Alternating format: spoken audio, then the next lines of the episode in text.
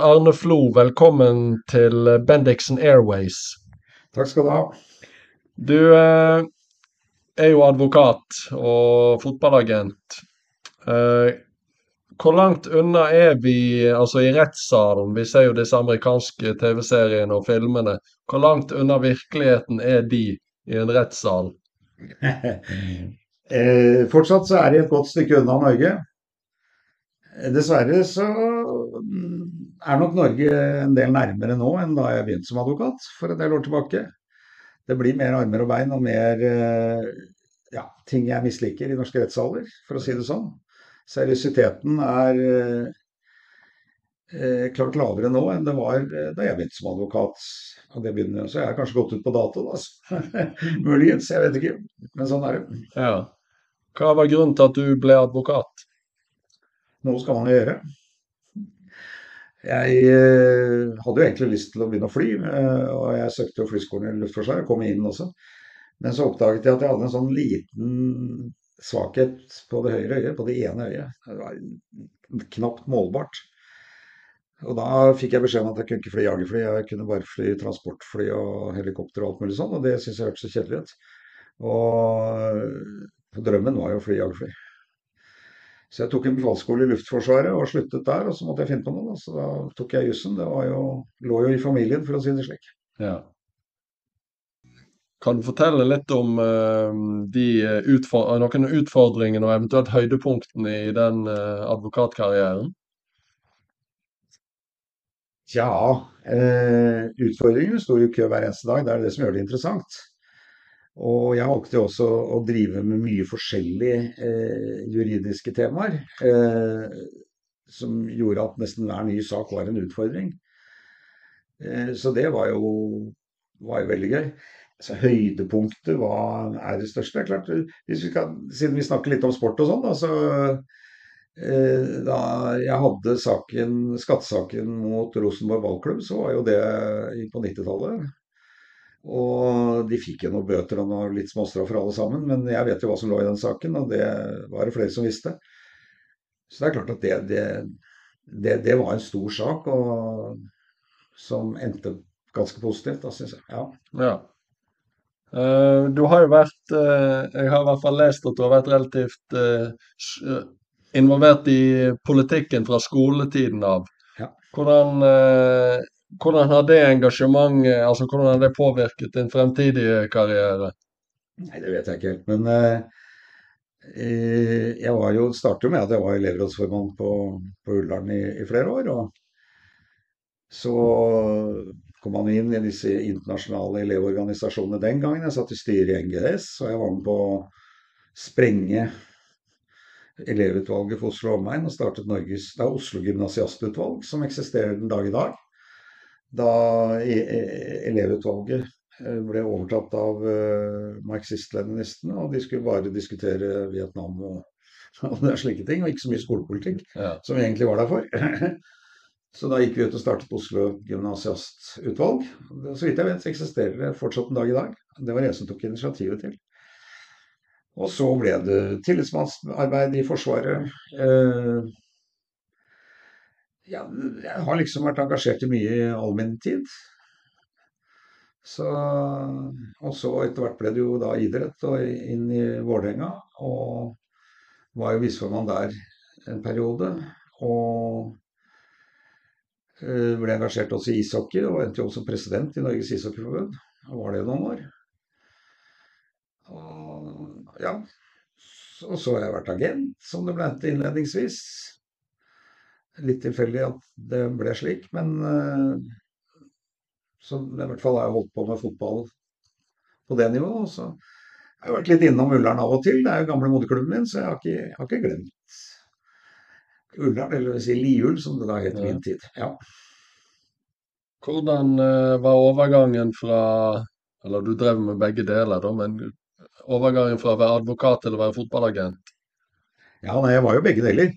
Eh, jeg så på det å være fotballagent som en del av advokatjobbingen. Eh, det var en litt annen måte å jobbe som advokat på. Men eh, det å være fotballagent går jo stort sett ut på å forhandle kontrakter og, og, og, vilkår, altså internasjonale forhandlinger om kontrakter. Og det er jo advokatarbeid jevngodt. Så det det var jo Arne Dokken som satte meg i gang med det i sin tid, helt tilbake i 1980. Så Eller kanskje til og med høsten 79. Og, og, så ble det bare mer og mer, og jeg syntes det var gøy å jobbe med, rett og slett. Så derfor tok jeg de jobbene, ja. ja. Hvordan har eh, Hvordan opplever du eh, Eller opplevde du seriøsiteten den gang å være fotballagent og forhandlinger? Det var vel relativt nytt, spesielt for norske spillere? det var jo totalt fraværende, stort sett. Ja. Altså, nei, altså det var penger i fôret og penger under bordet og penger i støvler og hit og dit. Og det var et miljø og holdninger jeg ikke trodde eksisterte omtrent. Eh, så jeg ga jo helt klar beskjed. Jeg var jo advokat på den tiden, så jeg kunne ikke holde på sånn. Det var ikke aktuelt for meg heller å tenke tanken engang. Så jeg ga klar beskjed at her skal alt på bordet, og her skal alt være offisielt, og her skal alt være sånn og sånn. Så oppdaget jeg at det var en del klubber som satte pris på det. Ikke alle, men en del gjorde det. Og noen få spillere gjorde det også. Mm. så ja. Uh, ja, det, det, var liksom ikke noe kultur på at det skulle være ordentlig. Det var ikke det. Men uh, Og jeg kunne jo ha hatt mange mange flere fotballkontrakter eh, opp gjennom 80- og 90-tallet hvis jeg hadde vært villig til å gå på akkord med, med etiske normer og skatteregler. Ja. Men uh, der var jeg helt klar. Vi skulle ikke gå på akkord med det. Er det riktig at det i dag ikke er en uh, beskyttet tittel? At alle kan være agent? Ja, for så vidt. Ja. Hva har du tenker om det? Nei, Eh, det var jo ikke noe særlig sånn eh, jeg holdt på å si, Selv om man fikk den på 90-tallet, tidlig på 90-tallet så ble det innført dette med Fifa-agent.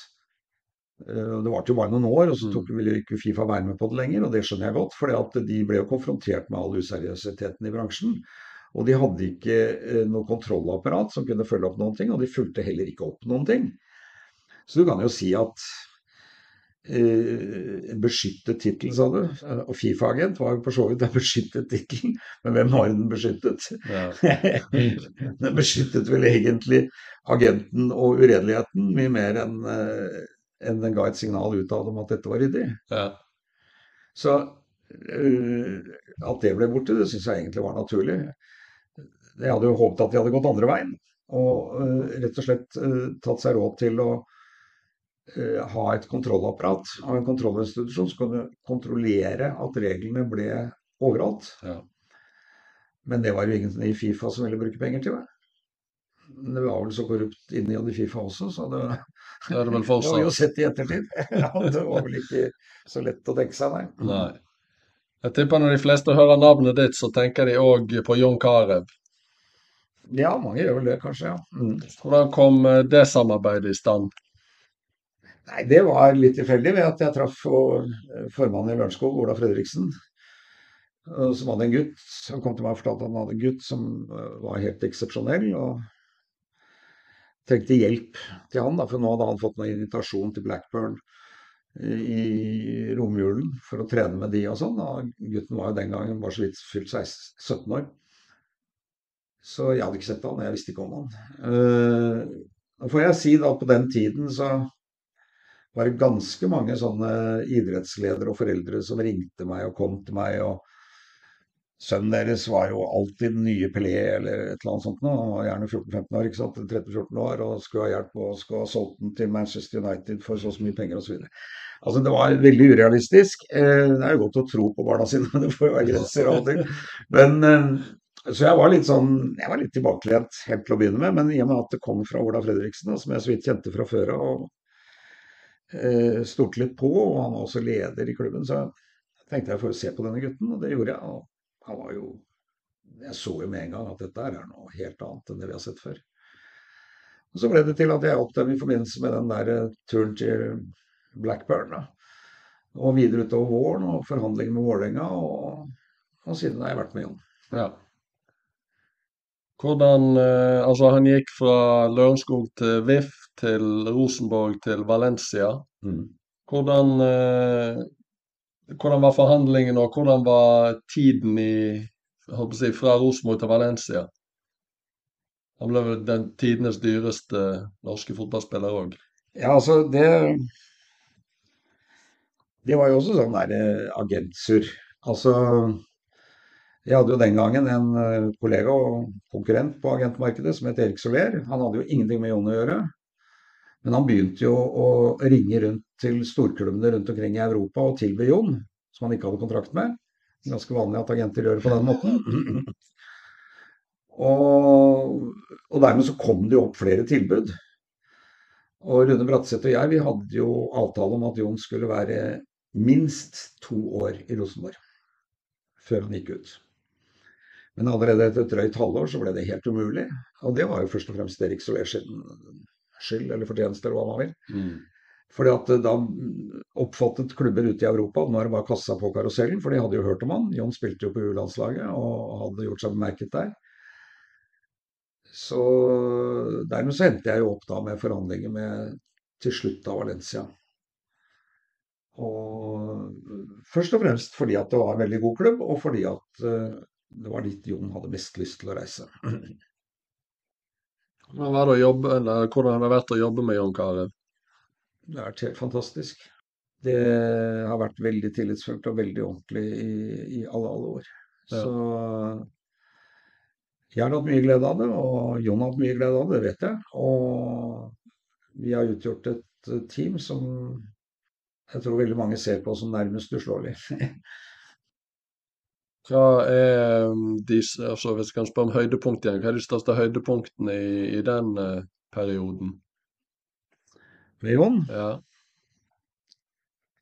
Det er mange, da. Å rangere dem er ikke så lett. Det er klart det var et fantastisk høydepunkt da første året i Valencia, hvor de spilte seg til Champions League-finale, og sitte på Giuseppe Meazza stadion i Milano, også kalt San Siro. Eh, Det er det de fleste i Norge forbinder med det. Det er området den ligger i. Eh, Å se da Valencia spiller nummer ni i straffesparkkonkurranse, gå frem og skulle ta det straffesparket og se at det var ryggen til Jon i Champions League-finale, det og han var jo da bare mye var han, 21. Det var jo veldig stort. Han traff jo på straffen, da. Ikke bare at han traff på straffen, han sendte jo Oliver Kahn på ryggen med en finte som var helt rå. Og alle snakket om etterpå, til tross for at Valencia tapte eh, den straffeskonken. Mm. Hvordan rangerer du han eh, blant tidenes norske fotballspillere?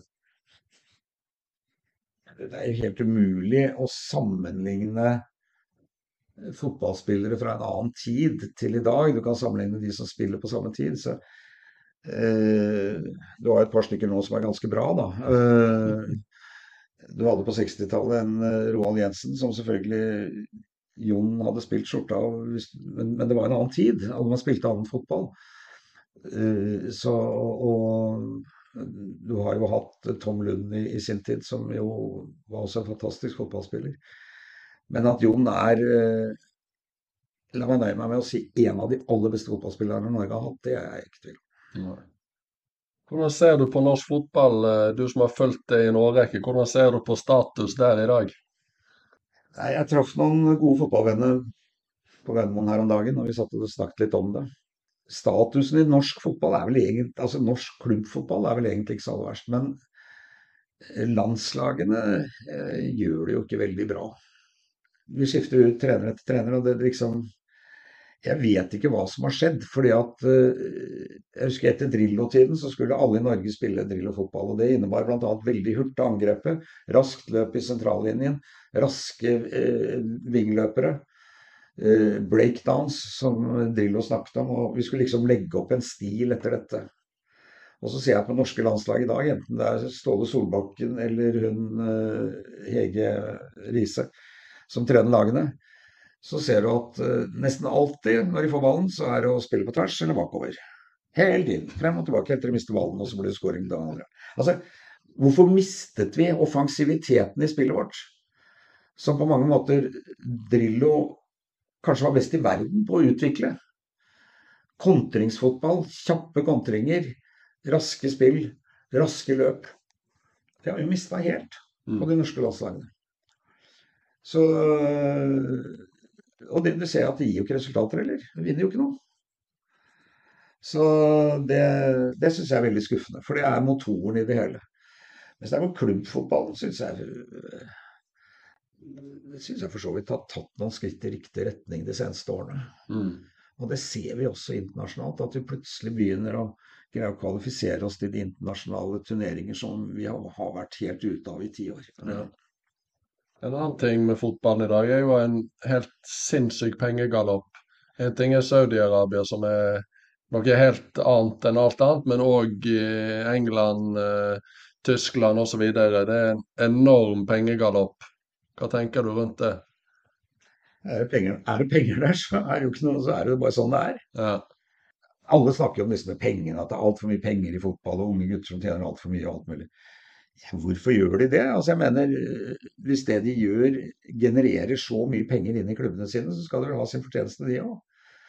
At mange unge fotballspillere sløser bort pengene sine og bruker dem opp på tull og tøys osv., det er en annen side av saken. Men da får man se på den problemstillingen. Jeg mener at når det er så mye penger i fotballen som det er, så er det, så er det bare sånn det er. Altså. Det er du kan si at filmer i Hollywood genererer general, grenseløst mye penger, og skuespillerne der, mange av dem er, blir tatt inn på sine første filmer som er, er amatører, og så tjener de hundrevis av millioner. Det er jo like galt, det. Mm. Men det er ingen som har stilt spørsmål ved det på samme måte som de gjør med fotballspillere. Men tenker ikke det mister litt sjarm og Jo, selvfølgelig mister det sjarm, men mister, mister tilhørigheten. Men da forsvinner pengene også. Ja. Eh, altså jeg pleier å si at England Jeg har ikke noe sånn favorittklubb i England. Men da jeg var yngre, så, så var jeg veldig begeistret, litt ekstra begeistret for Chelsea. Og, og, det gikk jo for så vidt helt frem til Abramovic overtok. Han hadde kommet inn en russisk oligark og skal liksom kjøpe opp hele grunnen, da forsvant alt interessen. For, i hvert fall hos meg. Ja. Da var det liksom ikke noe mer. Og det er klart at mange sitter igjen med sånne følelser at liksom tilhørigheten og, og sånn blir borte, så, så, så dør jo fotballen også. Så man må passe på å ivareta det. Du nevnte Ishockeyforbundet her eh, litt tidligere, og det har jo eh, si, vært en del i media siste tiden. Hva, hva er det som har skjedd der? Det har jo skjedd at eh, de har ikke passet på pengene sine, for å si det rett ut. Eh, Jeg var jo president i Ishockeyforbundet på 90-tallet, og, og bl.a. under OL på Lillehammer. Og der har man jo mistet, mener jo jeg, da, i hele Ishockeyforbundet, har jo mistet oss offensiviteten. Der administrerer man seg til vi gjør nå som vi gjorde det i fjor, og som vi gjorde det i forfjor, og, som vi gjorde, videre. Og det er ikke noe, liksom, noe trøkk, det er ikke noe hard jobbing, det er ikke noe kjemping for at hockeyen skal bli bedre osv. Hvis man nesten greier en kvartfinaleplass i VM, så er man fornøyd. Men realiteten er at da jeg var president i 94 og 95, så var vi nummer 8 og nummer 9 på internasjonal ranking. Nå er vi nummer 14. Så det går sakte, men sikkert bakover med oss. Fordi vi henger ikke med, sånn som de andre gjør. Og så er man i ishockeyen verdensmester i å finne på unnskyldninger. Vil si verdensmester og verdensmester, det er samme unnskyldning som går igjen hele tiden. De skal, for det første så skal de diskutere om man skal ha seks eller åtte eller ti eller tolv klubber i Eliteserien, og så tror de at det skal løse hele problemet. Hvis de bare organiserer altså, antall klubber på toppen litt annerledes, så vil man plutselig gjøre det veldig bra i VM-landslaget. Det skjer jo ikke. Det skjønner jo alle hvis de tenker seg litt om. Men fortsatt så er det man sitter og diskuterer. Diskuterte man for 30 år siden, også i Ishockeyforbundet. Hva er løsningen? Men må jobbe, må trene mer. Det er det det står om.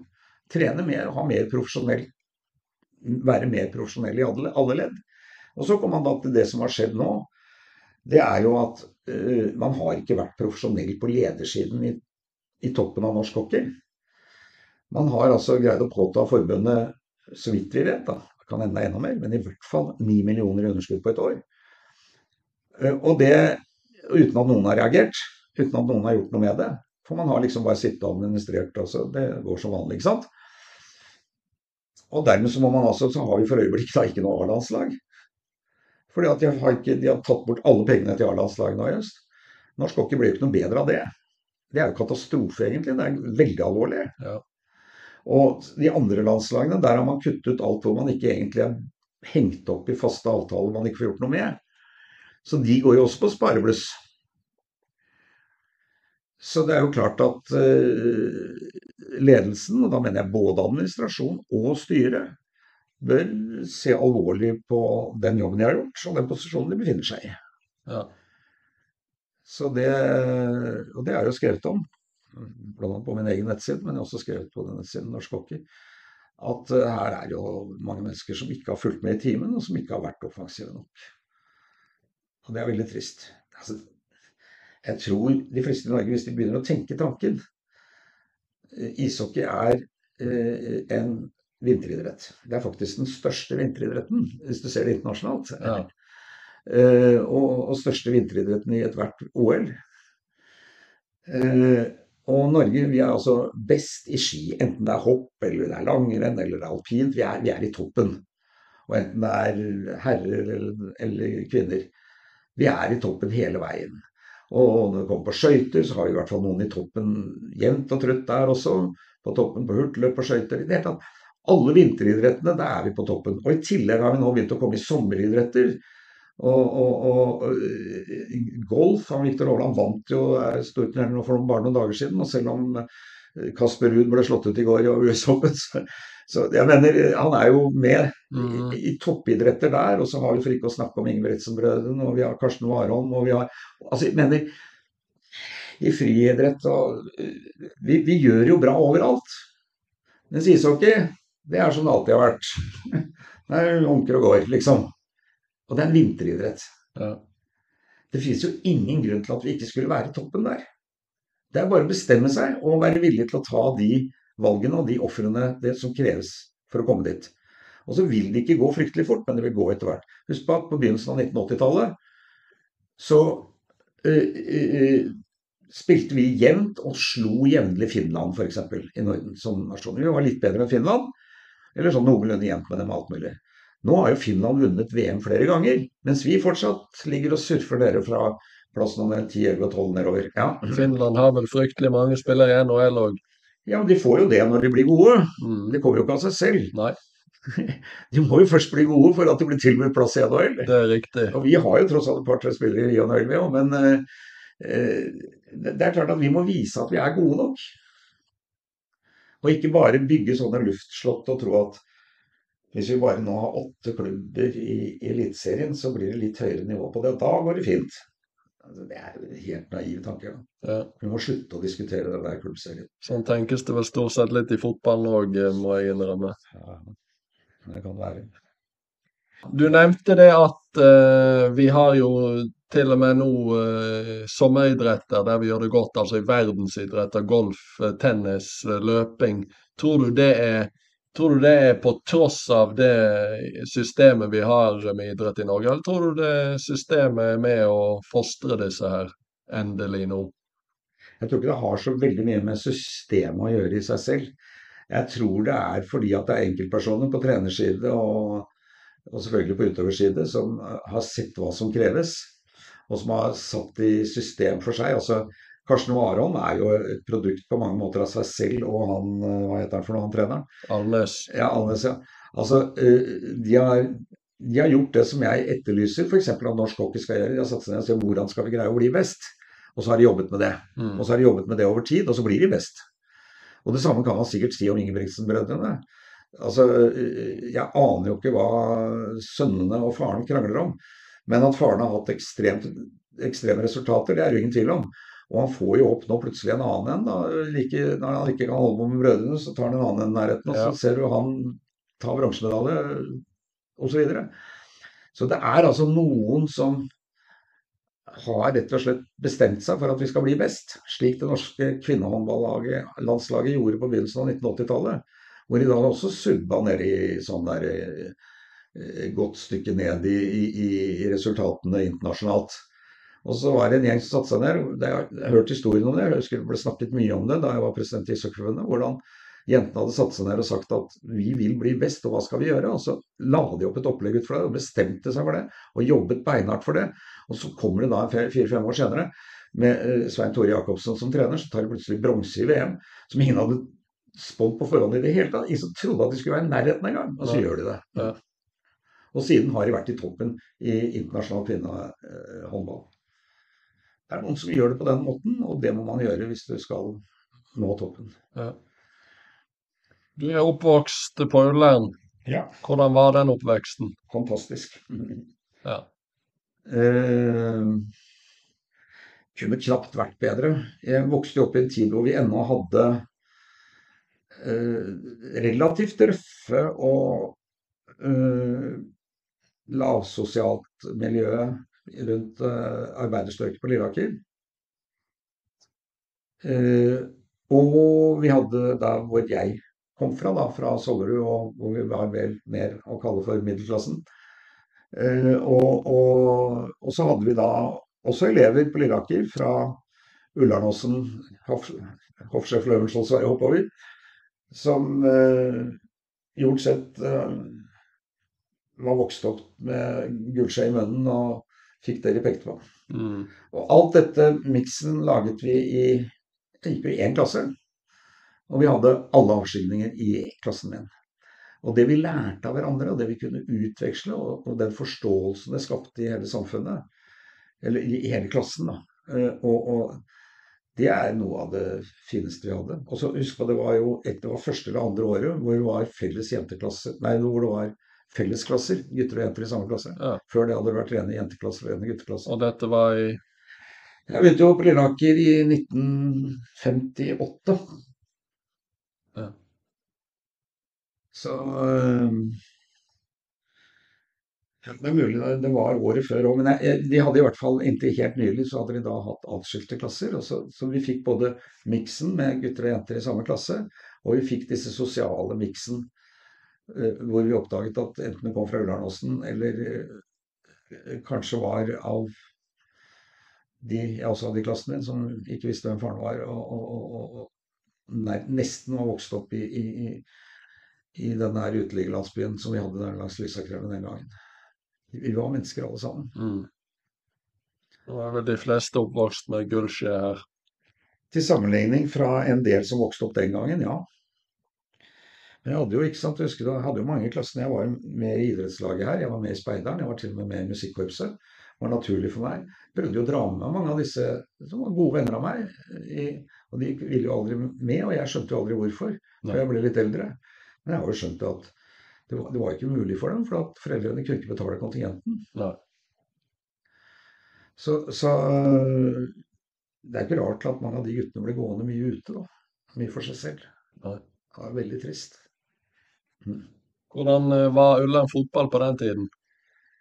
Nei, vi spilte jo vekselsvis i fjerde og femte divisjon, da. Stort sett. På toppen, da, hvis du tenker på A-laget. Mm. Det var mye, mye gutter der oppe. Jeg spilte jo fotball der selv, i de yngre lagene. Jeg var ikke spesielt god, men jeg var med. Jeg hadde det gøy. A-laget så vi alltid opp til, men eh, eh, det var vel én kamp jeg husker veldig veldig godt. Det var en cupkamp. Da spilte vi mot Fredrikstad. Og Fredrikstad var da den beste klubben i Norge. I hvert fall, ja. Og, det, og dette er vel da rundt 1960. Eh, med Bjørn Borgen og eh, Jan Aas og hva de nå het, alle disse superstjernene. Snabbus, ikke minst. Per Ja. Christoffersen osv. De var landslagsspillere. Store helter. Og Fredrikstad skulle komme til Ullernbanen og spille cupkamp, husker jeg. Det var Jeg tror hele Lilleaker var her på, på, på sletta Ja. den dagen og så. Og gutta våre i garderoben de ga jo langt mer enn de vanlige 100% som da vi oppdaget ikke var 100% Og vi, etter to mål helt på slutten av kampen, så tapte vi 2-0-2 mot Fredrikstad. Som var altså beste lag i første divisjon, og vi spilte vel i fjerde. Så, men dette viser jo også ikke sant, hva du får til når du løfter deg. Altså, ikke går ut på å gjøre en jobb, men løfter deg utover det du liksom vet du kan. Da blir det bra. Ja. Da, da, da kommer du lenger. Og hvis du gjør det gang på gang på gang, så opparbeider du sakte, men sikkert et høyere nivå. Så det var den store kampen den gangen på Ullernbanen. Det var tjokkfullt rundt omkring, det var ikke en tribune eller noen ting. Det var gjerde rundt banen, og der sto vi alle sammen og så på Fredrikstad mot uh, Liul, da, som det het. Mhm. Du var jo med rundt eh, A-laget når de rykket opp til førstedivisjon i 96-98. Ja, Hvordan var den tiden? det var gøy. Det var gøy. Hvorfor plutselig klarte vi å ta de stegene da? Fordi vi løftet oss. Fordi vi plutselig var noen rundt laget, og vi var et lag som ville gjøre det bra. Ja. Og ville gi det lille ekstra. Og jeg syns det var fryktelig moro å, å se første året. Da var jeg ikke med helt i starten av sesongen, men jeg ble brakt inn etter hvert. Og, og se hva vi gjorde med laget, og få inspirasjon og snakke med dem. Ble en veldig gjeng, både laget og vi rundt. Og selvfølgelig Det blir bare bedre og bedre etter hvert som du vinner kamper. Så blir det bare tettere og tettere. Det er jo en ting som, som er slik da, at hvis du begynner å vinne kamper, så vinner du flere kamper. Ja. Og hvis du begynner å tape kamper, så vinner du, taper du flere kamper. Ja. Det er det jeg snakker om. Det er dødsspiralen. Ja. Den går nedover. Og det er den, det går, altså gylne spiralen som går oppover. Og kunsten er å komme inn i den gylne spiralen hvor det bare går oppover. Ikke til himmelen som noen tror, men ganske høyt opp. Og eh, vi så jo muligheten av at vi kunne faktisk komme til å rykke opp i eh, Annendivisjon het det vel den gangen. Eh, I dag kaller vi det vel Obos. Det er nest øverste nivå, altså under Eliteserien. Der hadde vi aldri vært før. Vi hadde vært et par ganger i det som den gangen het tredjedivisjon, altså nivået under, og syntes det var kjempefint når vi var der, men stort sett så hørte vi jo hjemme i fjerde og femte. Men nå er det plutselig annen. Og det, det var kjempegøy å være med rundt på det, og kunne, kunne ta del i det. Og jeg tok jo spikertjenesten når, når vi spilte kamper, og det var moro. Så, eh, så vi spilte oss jo opp, da. Og møtte da lag som Mjøndalen og Bryne, og altså lag som vi tradisjonelt forbinder med å spille i eliteserie. Og de hadde jo budsjetter den gangen da, på 16, og 18 og 20 millioner, og vi hadde 700 000. Mm. og likevel så slo vi dem. Ja. det må ha vært gøy. Ja, gøy. Og, men eh, nå var det jo slik at det var to avdelinger i andre divisjon den gangen, så det skulle slås sammen til én, så halvparten av lagene forsvant jo en divisjon ned. Og vi greide ikke å komme over den streken der, selv om eh, ja, vi greide ikke det. Så vi, vi gikk jo da ned en divisjon uten egentlig å rykke ned, bare pga. organiseringen. Så målet var jo å komme opp igjen så fort som mulig, da. Så eh, jeg jobbet jo ganske hardt med det, da. Og fikk en av mine gamle venner Vi sto uten trener, så jeg fikk en av mine gamle venner fra Vålerenga, Per Anders Sjøvold, til å trene laget. Og vi gikk opp igjen. Mm. Og spilte i Da var det blitt førstedivisjon, kalte de det nå, da. Eller Obos-ligaen, det het det vel allerede den gangen. Og vi var ganske nær ved å unngå nedrykk først det året også, men det gikk ikke helt på høsten. Det hadde seg slik at vi supplerte alltid laget om sommeren med et par-tre sånne studenter som kom fra USA, som hadde tidligere spilt på laget som var veldig gode. Når de var på sommerferie i Norge, så spilte de fotball i Ullern. Men når de reiste tilbake til USA, så ble det jo litt svekket. Det var derfor jeg glapp. Egentlig, tror jeg. ja. Ja. Hva tenker du bør være en ambisjon for A-laget til Ullern i dag? Ja, altså Vi er jo i ferd med å rykke ned fra andredivisjon, as we speak. Ja.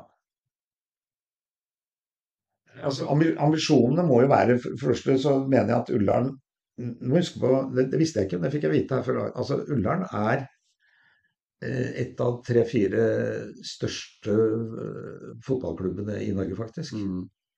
Som har flest spillere. Det er bare et par-tre stykker som har noen flere. Og da bør vi i hvert fall ikke være noe lavere enn annen divisjon. Så vi krykner. bør ikke rykke ned. Nei. Det må vi ikke finne på. Og vi bør ha ambisjoner om kanskje av og til å kunne spille i, i førstedivisjon.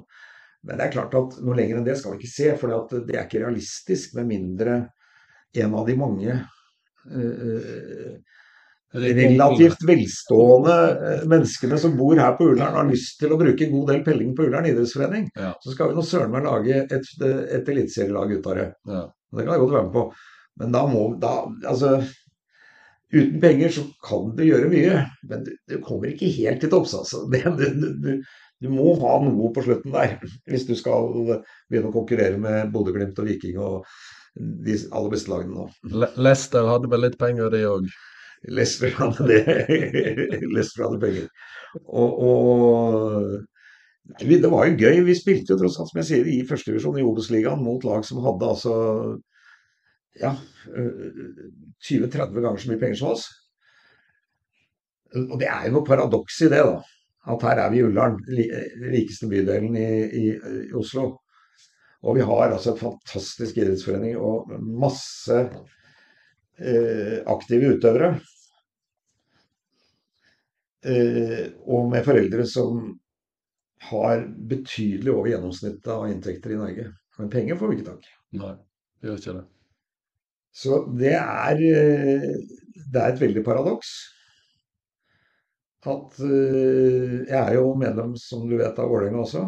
Det kom jo inn på 80-tallet. Det er jo ikke moderklubben min, men jeg er fryktelig glad i Vålerenga. Og der opplever vi den akkurat den motsatte uh, virkeligheten. At vi har med masse gutter og jenter å gjøre. Hvor foreldrene knapt har nåla i veggen og knapt vet hvordan de skal kjøpe mat de siste dagene i måneden før neste lønning kommer. Allikevel, vi mangler aldri noe når vi ber om å få inn noe til barna i klubben. Nei. De stiller opp om de så går og tigger på gaten omtrent. De koster opp penger gang på gang. Det er helt annerledes enn det det er her på Ullern. Ja. Så det så Hvis det er noen Ullern-foreldre som hører på dette, så skjerp dere. Unnskyld, jeg sier det.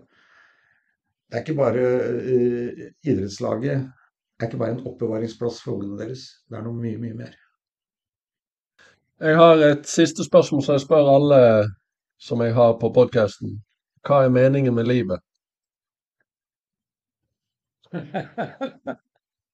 ja Det er litt av et spørsmål. Jeg kan jo si min mening med mitt liv er å prøve å skape positivitet rundt omkring i samfunnet. Både blant de rundt meg og oss andre. Og utvikle forståelse og medmenneskelighet. Det tror jeg er det som skal til. Tusen takk for praten. Takk skal du ha. Tusen takk for at du hørte på Bendixen Airways. Dersom du har tips, kommentarer eller vil gi en vurdering av episoden, så gjør gjerne det. Det setter jeg stor pris på.